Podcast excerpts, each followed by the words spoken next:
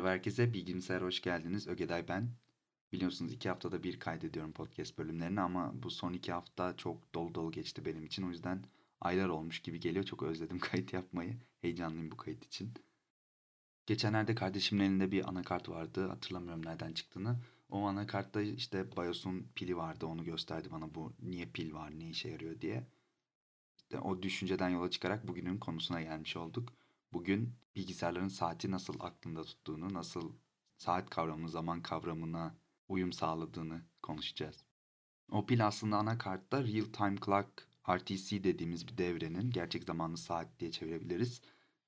Çalışması için gerekli. Böylelikle bilgisayar kapandığında da bilgisayarımız kapalı moddayken de arkada çok az enerji tüketerek bu RTC dediğimiz devre saatin devamlılığını sayabiliyor. Yani saat 18.30'da kapanmış bir bilgisayarın üstüne bir dakika sayıp şu an saat 18.31, 32, 33 diye devam ettirebiliyor. Bu devreler aslında bildiğimiz klasik saatlere, mekanik saatlere benzeyen bir mantıkla çalışıyor. İçinde küçük bir kuartz kristali var. Bunlar belli bir frekansta titreşiyor bu kristal ve bu frekans sayılarak ne kadar zaman geçtiği hesaplanabiliyor bilgisayar tarafından. Bu çok düşük enerji tüketen bir sistem olduğu için o küçük pille de çalışabiliyor böylece. Aslında verimli bir sistem bu açıdan.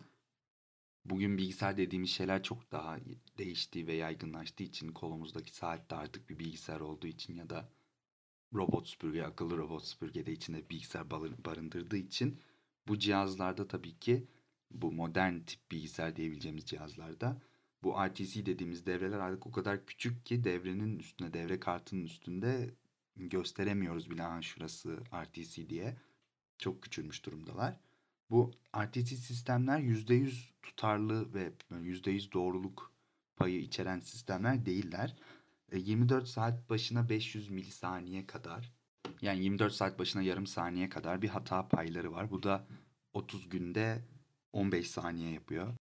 Tabii artık fark etmişsinizdir günümüzde mesela yeni bir telefon aldığınızda o telefona saatin kaç olduğunu söylememiz gerekmiyor. İlk yaptığımız şey zaten Wi-Fi ağımıza internete bağlamak olduğu için bu NTP dediğimiz Network Time Protokol diye geçen protokol üstünden herhangi bir NTP sunucusundan zamanın saatin kaç olduğunu büyük ihtimalle konumdan aldığı lokal saat bilgisine uyarlayarak direkt olarak gösterebiliyor. Tek sorduğu şey bu saat doğru mu diye sormak oluyor herhalde bir onay istiyorlar.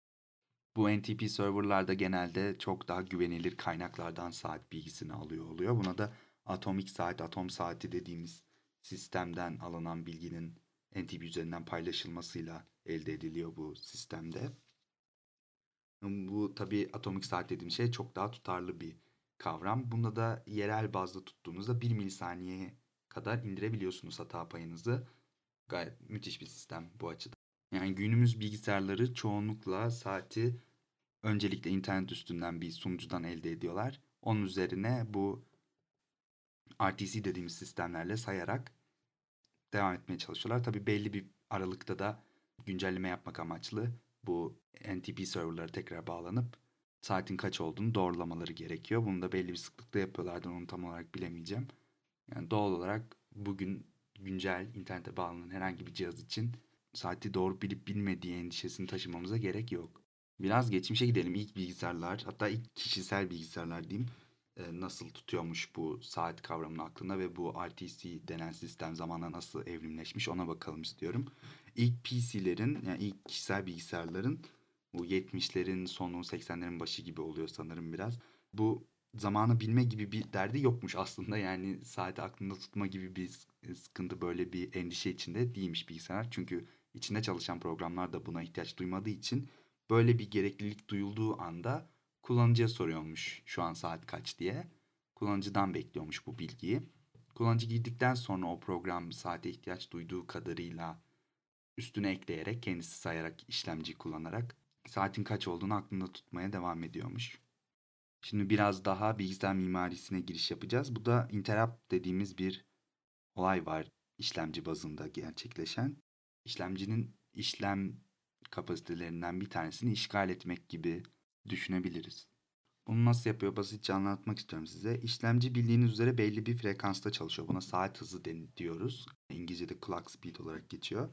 Bunu hertz olarak biliyoruz. Mesela günümüz bilgisayarlarının işlemcilerinin saat hızını söylerken 1 GHz, 2 GHz, 2.7 GHz gibi kavramlar kullanıyoruz. Yani 1 GHz yaklaşık 1 milyar işlem, saniye başına düşen 1 milyar işleme tekabül ediyor. Yani bu durumda şey diyebilir miyiz? 2 milyar işlem yapıldığında 2 saniye geçmiştir diyebiliyor muyuz? Aslında hayır. Bunu bilgisayardan direkt bu şekilde çıkarım yapmasını bekleyemiyoruz.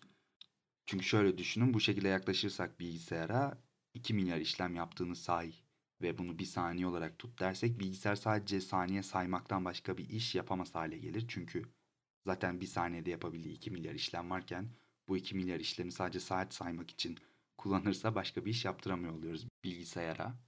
Zamanla bilgisayarlar geliştikçe bunun için bir çözüm üretilmiş. Saat osilatörü kullanılmaya başlanmış. Bu bir devre parçası aslında. Yaptığı şey basitçe açıklamam gerekirse 1 GHz olduğunu düşünelim işlemcimizin saat hızının. Bu 1 GHz'i 100 MHz gibi ya da o biraz devreyi tasarlayan insanın tercihiyle alakalı anladığım kadarıyla 10 MHz de olabilir bilmiyorum. Gibi daha okunabilir, daha rahat sayılabilir frekanslara düşürüyor. Böylelikle bu daha sayılabilir olan frekansı saymaya devam ederken bilgisayar bir yandan da o an yapması gereken işlemi, o an çalıştırması gereken programın üstünde çalıştırabiliyor oluyor. Aslında bunu yaparak saatin tutarlılığını yani doğruluk payını bir tık düşürmüş oluyor devreyi tasarlayan kişi. Tabii bunun getirdiği dezavantaj ise saatin zamanla kayması, bir dakika iki dakika ileri geri gidebilmesine olanak tanıyor. Bu tabii ama çok büyük bir sıkıntı değil. Geçmiş bilgisayarlar özellikle düşünüldüğünde ayda 15 saniye gibi bir kaymadan bahsediyoruz. Yani ciddi fark edilebilir bir kaymaya ulaşmak için en az 4 ay geçmesi gerekiyor. Tabii zamanla bu osilatörler de gelişmeye devam ediyor. Doğruluk payları artıyor. Yani 1 GHz'lik frekansı sayıp onu 100 MHz olarak çıktı halinde vermekte teknolojinin gelişmesiyle birlikte daha doğruluk payı yüksek, daha kesin net bir çıktı verebilir hale geliyor. Bundan da ilerisi tabii daha sonra size az önce bahsettiğim RTC dediğimiz bugün günümüz bilgisayarlarında olan devreye geliyor. Bu devrede dediğim gibi içinde bulunan kuartz kristalinin titreşimini sayarak bu anladığım kadarıyla saat bizim mekanik saatlerde de kullanılan sistem olduğu için dolayısıyla daha konvansiyonel ve daha tutarlı bir sistem. Ve bu sistem bu günümüz küçücük bilgisayarlarında buluştuğunda, internete girebilen küçücük bilgisayarlarımızda buluştuğunda hatta internet olmak zorunda bile değil. Herhangi bir bilgisayar ağına bağlanması ve doğru zamanı başka bir bilgisayardan rica etmesi yeterli. Başka bir bilgisayardan doğru zamanı alıp RTC dediğimiz devre kullanılarak aldığı doğru zamanın üstüne kendi başına sayıyor ve belirli aralıklarla da bunu senkronize etmek amaçlı tekrardan bir istek sunuyor.